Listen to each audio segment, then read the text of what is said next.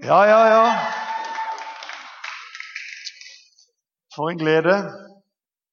Det er en veldig dyster intro, følte jeg plutselig her. Men det er hyggelig å være her for det jo.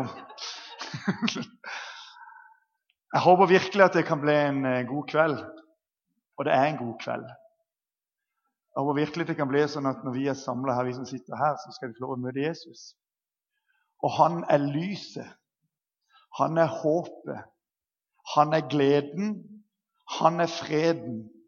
Han er den som blir nytt, gitt mot der hvor mot er i ferd med å forsvinne, og nytt håp der hvor håp er borte. Det handler egentlig denne kvelden om, selv om vi skal snakke om misunnelse. Så handler det om nytt håp og nytt mot. Jeg skal bare begynne med å be. Kjære Jesus, jeg takker deg fordi at eh, denne kvelden, den er din. Jeg er ufattelig glad for akkurat det, Herre Jesus. At når vi sitter her, så er det fordi det er din kveld. Og du har gitt oss denne dagen, og vi får lov å leve i denne dagen. Og så vet vi at vi kommer sammen sånn som nå. Så har vi dine løfter på at du er midt iblant oss. Og kjære himmelske Far, kjære Frelser, kjære Jesus, det jeg ber om nå, at du kommer og gjester og rører oss, far og rører med våre hjerter og lærer oss og viser oss og oppdrar oss, Far i himmelen. For det er det vi ønsker. Vi ønsker å se. Og vi ønsker at du skal på en måte være midt i det livet vi. Vi kan se hvem vi er i møte med deg. Herre, det ber jeg om. Jeg takker deg for alle som er her, og jeg takker for at du elsker hver eneste en. At du har gode tanker for hver og en her inne, far. Det takker jeg deg for. Amen.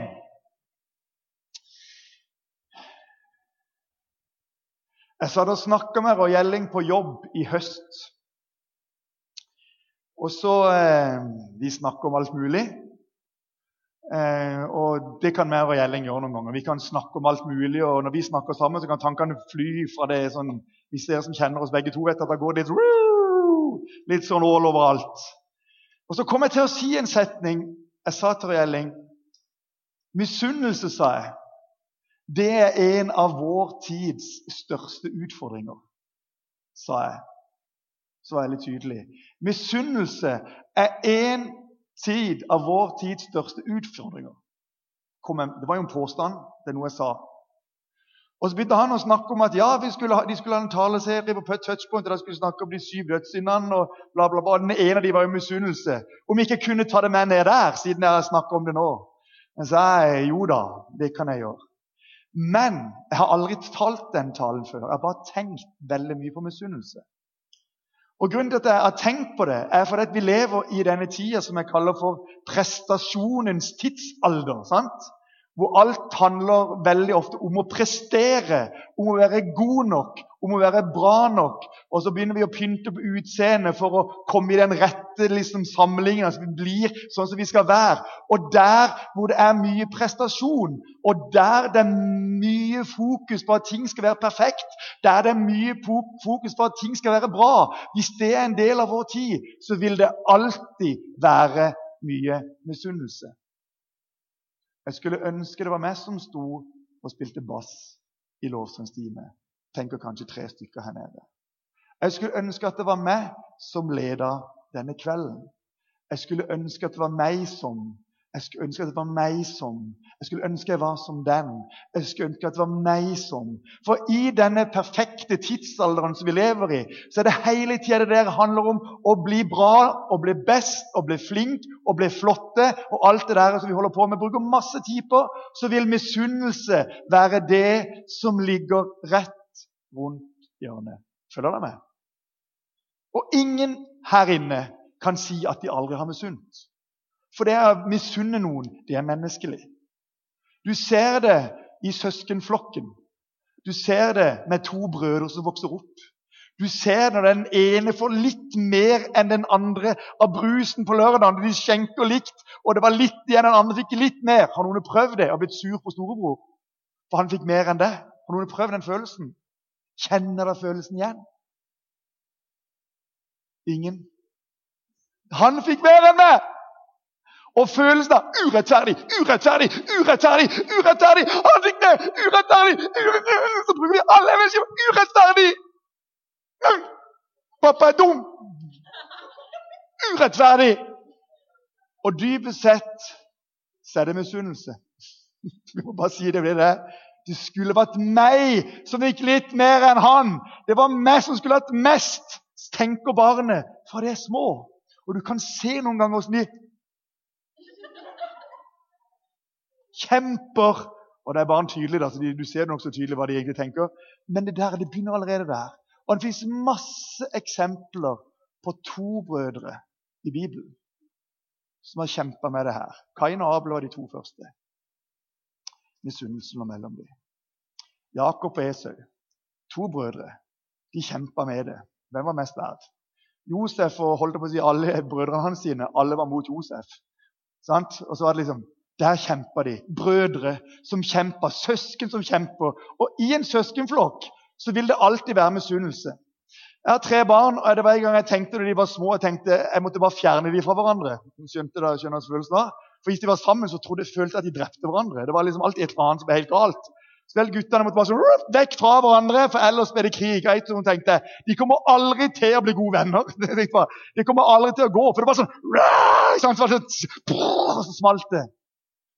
Jeg har skjønt én ting vet du, er bra. Jo eldre de blir, så ser jeg faktisk det er håp for dem. Jeg ser faktisk Nå er de 15 og 17. Jeg ser på at Nå begynner jeg å se at de ser ut som at de faktisk kan bli gode venner.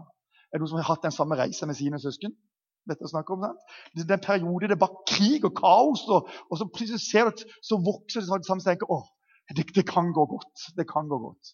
Men det er en følelsen av at den andre har noe som ikke du har. Jeg har faktisk gjort noe i dag. Jeg har googla masse om misunnelse. Og Jeg kunne sikkert ha lært med disse her, de her, eh, eh, definisjonene utenat, men det har jeg ikke gjort. Så nå leser jeg. Misunnelse fra Wikipedia har alle fantastiske, trygge kilder. Så står det misunnelse. En følelse hvor man ikke unner et annet menneskets egenskaper, status, evner anseelse eller eiendeler. Altså Misunnelse det er en følelse hvor du plutselig ikke unner et annet menneske det han har av egenskaper, status, evner, anseelse eller eiendeler. Har du merka noe som er så utrolig typisk? Hvis jeg nevner Ronaldo for dere, sier jeg Ronaldo han er en dritgod fotballspiller. sier jeg. Hva sier det? Så noen tenker, Han er ikke så god. Han var litt dårlig der. Han skåret ikke så mange mål. Han er egentlig ikke så veldig god lenger. Jeg tror ikke han er så veldig bra. Så sier jeg, Ronaldo er en fantastisk spiller. Jeg er ikke så god. Er det mange av dere som snakker ned Ronaldo? Antageligvis. Er du like god sjøl, eller? Neppe. Da hadde du ikke sittet her. Men det er greit å snakke om at han ikke er så god egentlig. Han er egentlig litt ræva. Han har skåret sinnssykt mange mål. Sant? Og vi sa nei, han er for pen. Ronaldo er ikke noe særlig. Er du klar over hvor mye folk, bruker, folk faktisk bruker tid på? Og de ønsker noen ganger at stjerner feiler. Det er en merkelig følelse. Jeg håper Ronaldo skårer på den straffen, så kan vi le litt. Hva er det egentlig vi gjør da? Vi er misunnelige. Nei, jeg er ikke misunnelig. Ikke på Ronaldo. Sant? Skulle egentlig ønske det var meg som var i hans sted. Sant? Hvis jeg dypest sett skal tenke på det. Har du tenkt på ufattelig lett det er å begynne å snakke ned alle de stjerner vi leser i avisen? Justin Bieber, for en drittsekk. Kjenner du han? Nei, men han er en drittsekk. Er, har du hatt noen prat med Nei, men han må være en drittsekk. Bla, bla, bla, sånn og sånn og sånn. og sånn. Vi snakker han ned, vi snakker han ned. vi snakker ned. Jeg vet hvem han er. Nei, men la oss snakke han ned. La oss snakke ned, la oss snakke ned. La oss nå komme sammen og snakke ned! Og snakke ned og snakke ned! Hva er det egentlig vi gjør? Vi misunner. Nei, jo, Nei, gjør ikke det. Jo, det gjør det. Nei, jo. Det er akkurat det du gjør. All baksnakkelse er i bunn og grunn et resultat av misunnelse. Ok? All baksnakkelse er i bunn og grunn et resultat av misunnelse. Fordi at det er noe ikke du liker med en eller annen, så begynner du å snakke ned. Du begynner å snakke bak ryggen. Og det handler dypest sett om at vi sitter der. Så Når vi baksnakker, så tenker du det vi gjør da, vi misunner. sant? Når du snakker dritt om andre, så sier du egentlig han, han, han, Egentlig så er det noe bra, men du ikke sier det. Du sier bare dritten istedenfor. Istedenfor å kappes om å hedre hverandre, om å løfte hverandre opp, så snakker vi hverandre ned. Og dypest sett så handler alt sammen om misunnelse. Det er to bud i Bibelen. Det niende og det tiende budet. Sant? Og det er misunnelse, hvis ikke jeg har tenkt på det før. Du skal ikke begjære. Tenker du begjære, begjære? Hva da for noe? De nestes eiendom. Ok, Greit. De nestes hustru. Uh -huh. Greit. Eller det, neste, det det nesten har eh, folkene hans sine, eller det han eier. Du skal, ikke, du, skal be, du skal, ikke, begjære de neste, står det. Og hva er det egentlig det betyr? Å begjære de neste? Det betyr når du tenker du skal ikke jeg vil ha det som han har. Jeg vil ha kona til han. Jeg vil ha tingene hans sine. Jeg vil ha statusen hans. sin. Jeg vil ha eiendelene hans. sine. Så så begynner vi å begjære. Skulle ønske jeg hadde alt som han har. Skulle ønske jeg var lærer på hans skole som syver. Det hadde vært fantastisk. Det kanskje noen tenker sånn. Å, jeg tror ikke noen tenker sånn. Men hvis noen tenker sånn. Skulle ønske jeg kunne holde på sånn som det her. Skulle ønske det var meg som sto der nå. Skulle ønske det. Skal du bruke resten av ditt liv og snakke det om alle andre sine? Hva har du sjøl? Hva har Herren gitt deg? Hva har du fått av Herren? Skal du bruke resten av livet og se på hva de andre har, og ønske at det var ditt, istedenfor å tenke 'Hva har du fått?' Skal vi bruke resten av vårt liv på å hige etter andre, etter etterligne andre, etter hige etter de samme tingene, Det blir som andre, istedenfor å si 'Hvem er jeg, hva har jeg fått?' Hva har du fått? Hva har Herren gitt deg? Skal vi bruke all vår tid på å leve det der misunnelige, for vi lever så ufattelig lett i det. Nå skal jeg sitere et bibelvers som jeg syns er utrolig vittig. Og Det er fra Forkynneren. Jeg vet ikke om dere kjenner Forkynnerbok i Gamle Testamentet, men det er et av det som kalles for visdomslitteraturen. Og I Forkynneren så er det jo da så er det jo eh, eh, Salomo, den vise Salomo som har skrevet ordspråkene. Og så har han også skrevet mange av de, og så har han skrevet mange av, av forkynnerboka. Og I forkynnerboka prøver Salomo alt mulig og sjekker ut hvordan livet skal være. Og Det er egentlig 12-13 kapitler som er helt fantastiske. Og etter at Salomo har prøvd det ene, og det andre, og det tredje og det fjerde, så kommer han til det 13. kapitlet og skriver han bare Når jeg har prøvd alt, så sier han Konklusjonen min er frykt Gud og hold Hans bud. Det vil alle mennesker gjøre. Nok om det. Det er konklusjonen på hele forkynnerboka. Men før han kommer til det, så sier han i Forkynneren 4.4 så står det Jeg så at alt strev og all dyktighet kommer av at den ene misunner den andre. Også dette er tomhet, skriver han.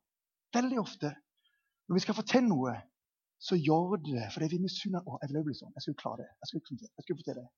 Og det er ikke noe vei med, kjære venner, og det mener jeg, det er virkelig ikke noe vei med å dyktiggjøre seg på ting. Sant? Men hvis vi gjør det for dette handler om å bli bedre enn de andre, bli bedre enn de andre, bli flinkere enn de andre, ja, litt konkurranse må det være, og det er godt med konkurranse, tenker jeg mange ganger. og det er godt med flere steder. Men hvis det ble det eneste, da ble det ikke mye vi lever etter. Istedenfor å tenke at hvordan er det egentlig? Hvorfor skal jeg dyktiggjøre meg? Hvorfor skal jeg bli flinkere til ting? For det Herren har skapt meg. Herren har gitt meg gaver og. Hvis jeg har fått talenter, hvorfor skal jeg bruke det? Jeg skal gi det tilbake til Han. Jeg skal gjøre det beste ut av det jeg har fått. Jeg skal gi det tilbake til Herren, og skal bruke det til å velsigne andre til å velsigne andre. For den som sprer velsignelse, den trives, den trives faktisk veldig, veldig godt. Det som er noe av problemet med misunnelse, er at i misunnelsen så overser du egne gaver og streber heller etter andres tilstand. Er det med? Hør en gang til. I misunnelse, når den florerer, så overser du egne gaver og streber heller etter andres tilstand. Ikke sant? Og så ble det greia. Og det er klart at Misunnelsen, når du da prøver å bli noe annet enn det du er, når du prøver å ta tak i andre ting, når du prøver liksom å stjele for andre istedenfor å tenke på hva har jeg fått, og hvem er jeg? Misunnelse har ødelagt familier. Misunnelse har ødelagt familier. Misunnelse har ødelagt ekteskap. Misunnelse har ødelagt forhold mellom barn. Misunnelse har ødelagt en venneflokk. Misunnelse har ødelagt en haug med menigheter. En misunnelse har ødelagt en haug med organisasjoner.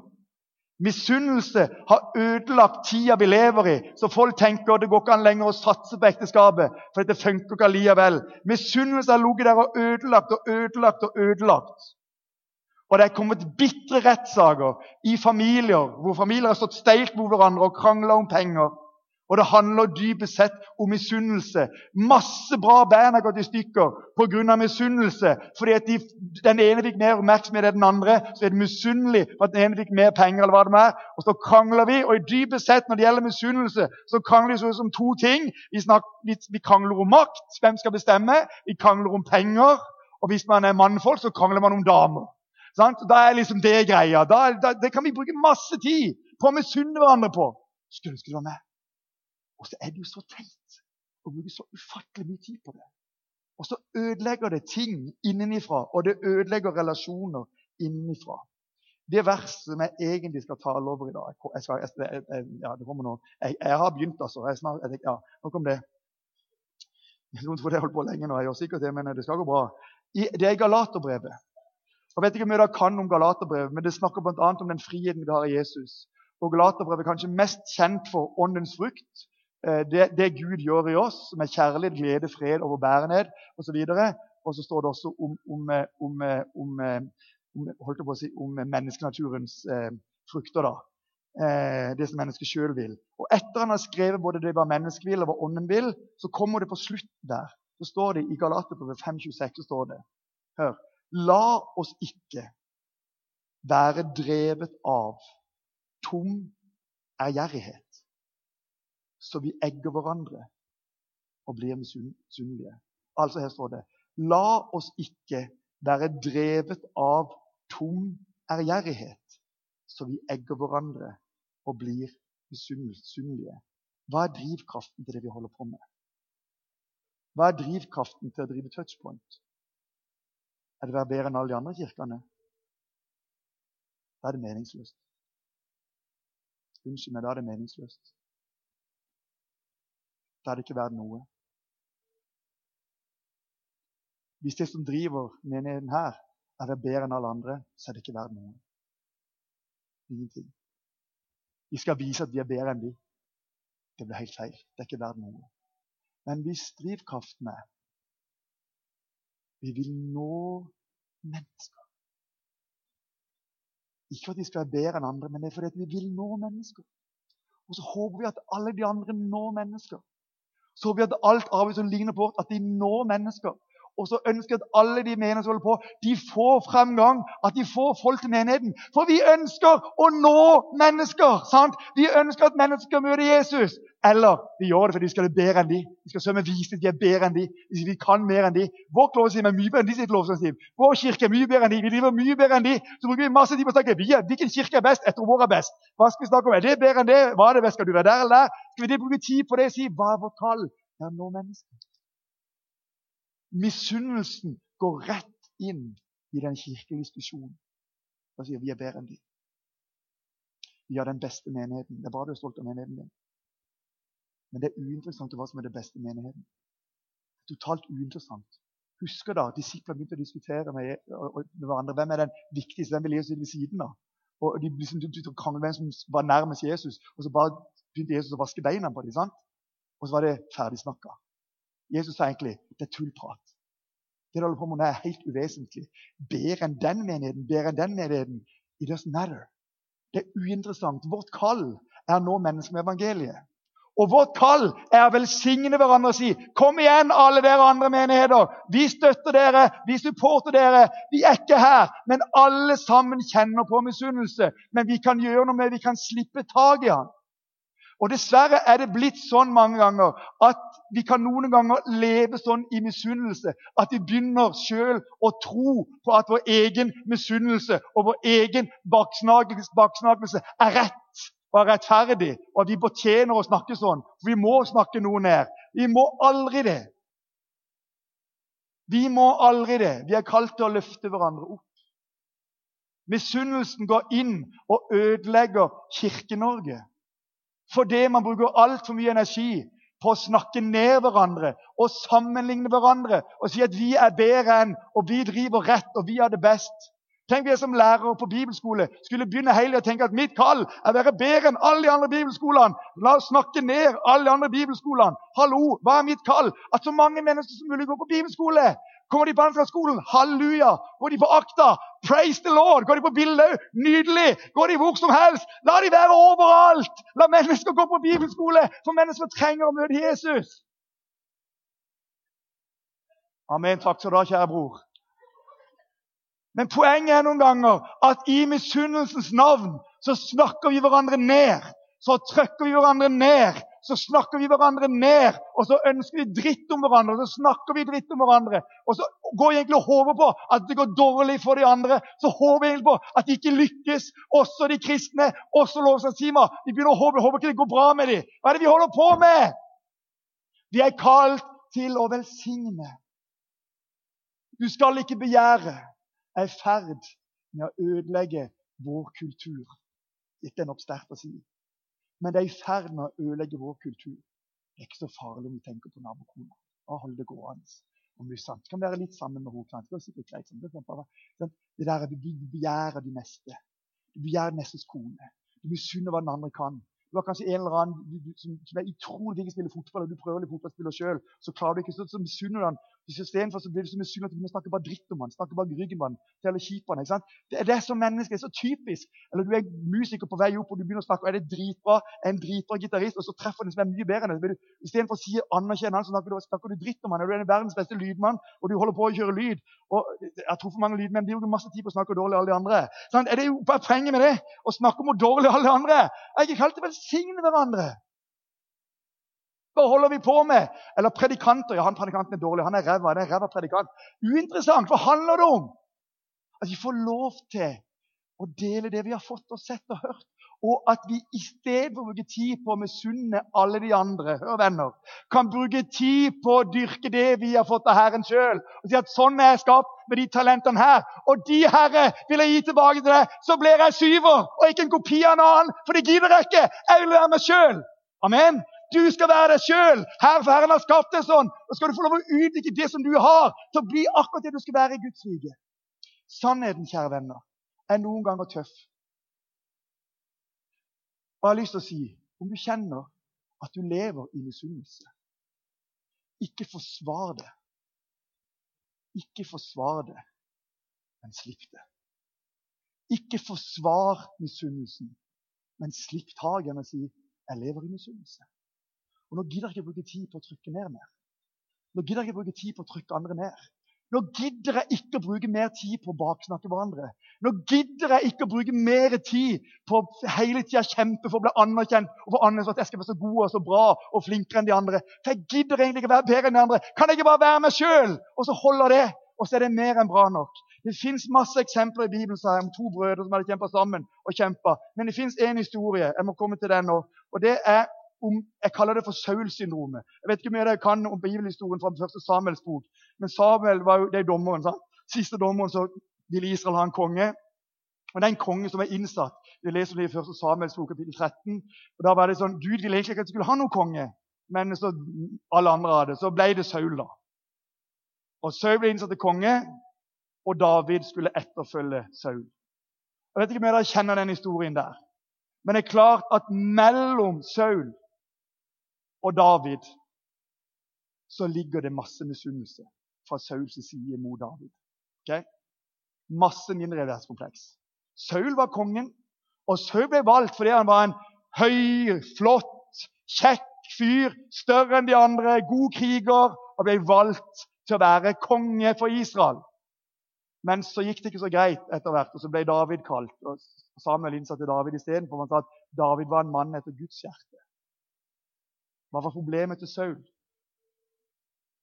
Hva var problemet til Saul? Jeg har lest mange av de tekstene i dag, brukte masse tid på det der. faktisk. Jeg tenkte, Hva var det med Saul egentlig?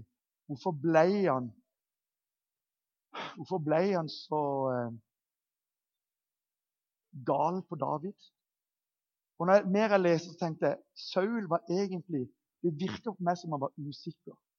Han mangla egentlig en identitet over hvem han var som en Guds mann. Skjønner du hva jeg mener med det? Hva er din identitet i Gud? Hvem er du i Gud?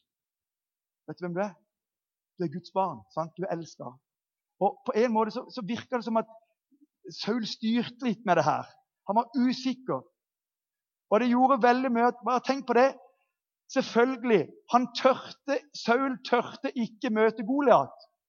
Det hadde ikke vi heller, tenker jeg. Men han var jo så svær. Selv om han visste egentlig dypest sett at Gud var med han, han visste at Gud skulle lede han, så tørte han ikke å gå. Og så tørte David. For David bare gikk han, han visste at Gud var med. Han så at Goliat var stor, men han gikk fordi han visste hvem han var i Gud. Og han visste at Gud var med han. Han visste at da kunne han gå. For han visste hvem han var i Gud. Men det virker som Saul ikke visste det, så han ble redd. Det står bl.a. litt senere i 1. Samuel 15 at han begynte å ofre til Gud, til Herren sin, fordi han ville vise at han også trodde på Gud. Han var egentlig ikke opptatt av Gud, men opptatt av at de andre skulle se at han ofra. Altså, han var usikker som person på hvem han var.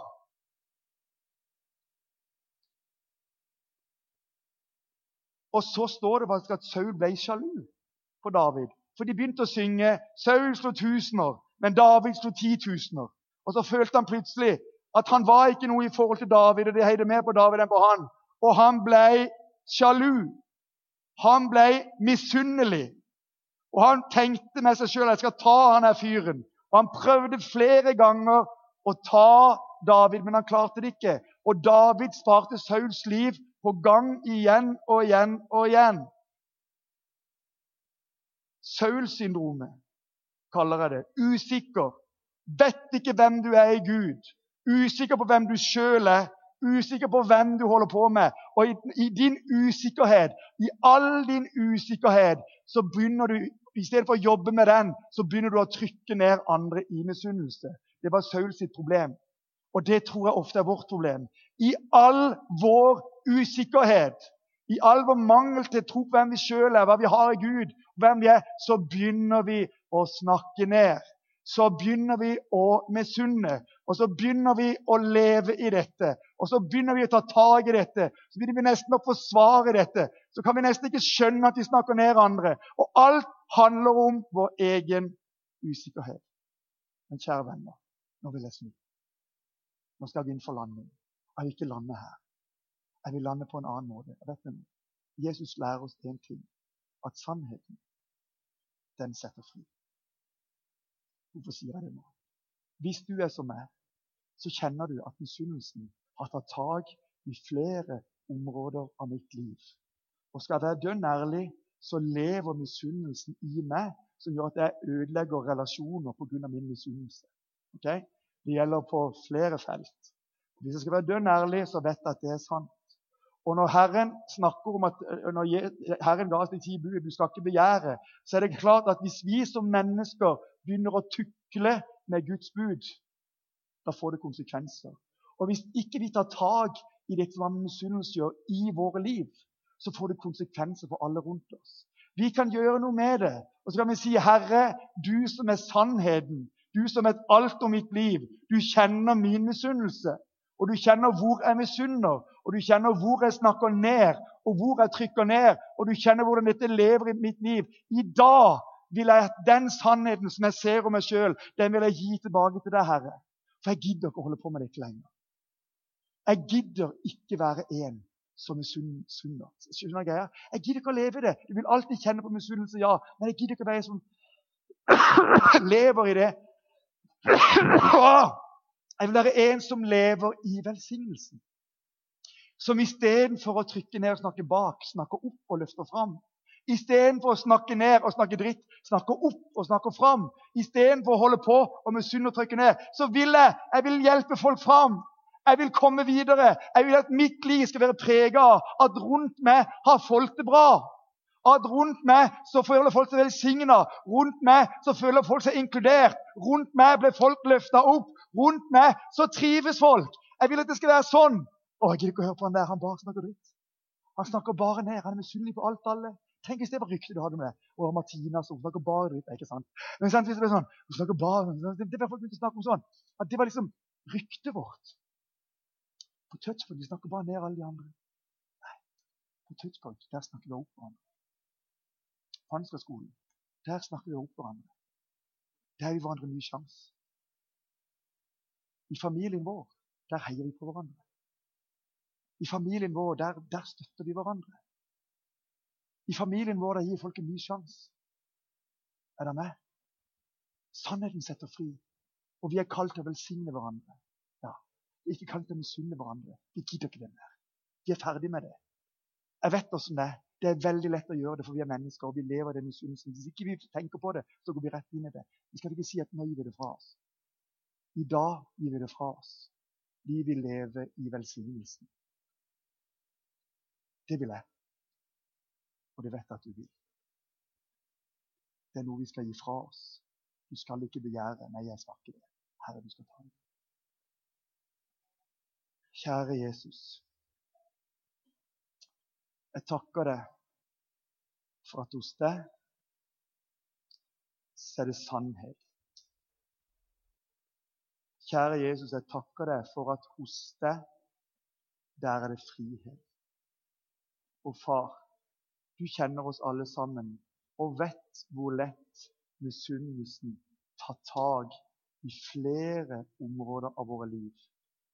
Og hvis Du kjenner kanskje hvordan det kan sitte hos oss alle sammen. Herre, nå ønsker vi som sitter her inne i kveld, å gi misunnelsen tilbake til deg og si, Herre, ta det du.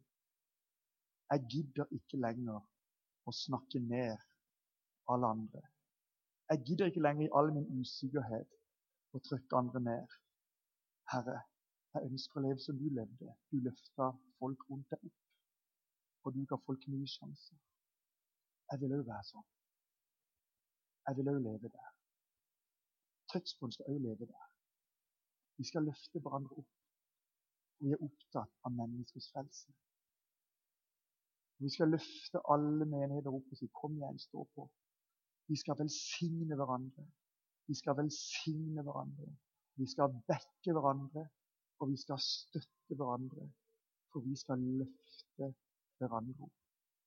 Hjelp oss til å slippe taket på misunnelsen, far den som bare ødelegger. Den som midt lever sterkt i vår tid i perfeksjonisme. Herre, ta det du. Du gir det til deg. Gir det til deg. I har bare lyst til å be, Herre. Velsign hver og en her inne. Du vet hvem som er her nå, og du vet akkurat hva det enkelte føler på. Og du vet at kanskje noen her sitter og kjenner på at de er bundet fast i negative tanker om seg sjøl, og på den måten er det negative tanker om alle andre. At det eneste de gjør, det kjenner de på sjøl, det er å snakke ned alle rundt seg. Far, møt dem der du har sier at det er en ny sjanse i dag til å begynne på nytt. Det er en ny sjanse på å leve annerledes i dag. Vi kan begynne i dag med å si at når vi går ut herfra, så skal vi løfte hverandre opp. Vi skal løfte hverandre opp. Vi skal gi hverandre ros og anerkjennelse. Vi skal applaudere folk fram. Vi skal si de gode ordene til hverandre. Vi skal applaudere hverandre for alt vi står for. Vi skal heie på hverandre, far. For vi gidder ikke lenger å leve i dritten og leve i misunnelsen. Vi vil leve i friheten. Vi vil leve i sannheten. Vi vil leve der hvor det er godt å være. Der hvor folk er rause med hverandre og løfter hverandre opp. Der vil vi leve alle sammen. Far i himmelen, takk for at det var sånn du var når du var her nede. Og Herre Jesus, møt oss i kveld. Møt oss i kveld. Ta all dritten vi har, vi gir det til deg. Og hjelp oss i dag til å begynne å leve livet i raushet, i godhet, i å løfte hverandre opp. For dere har lyst til å be. Dere har lyst til å be. Amen.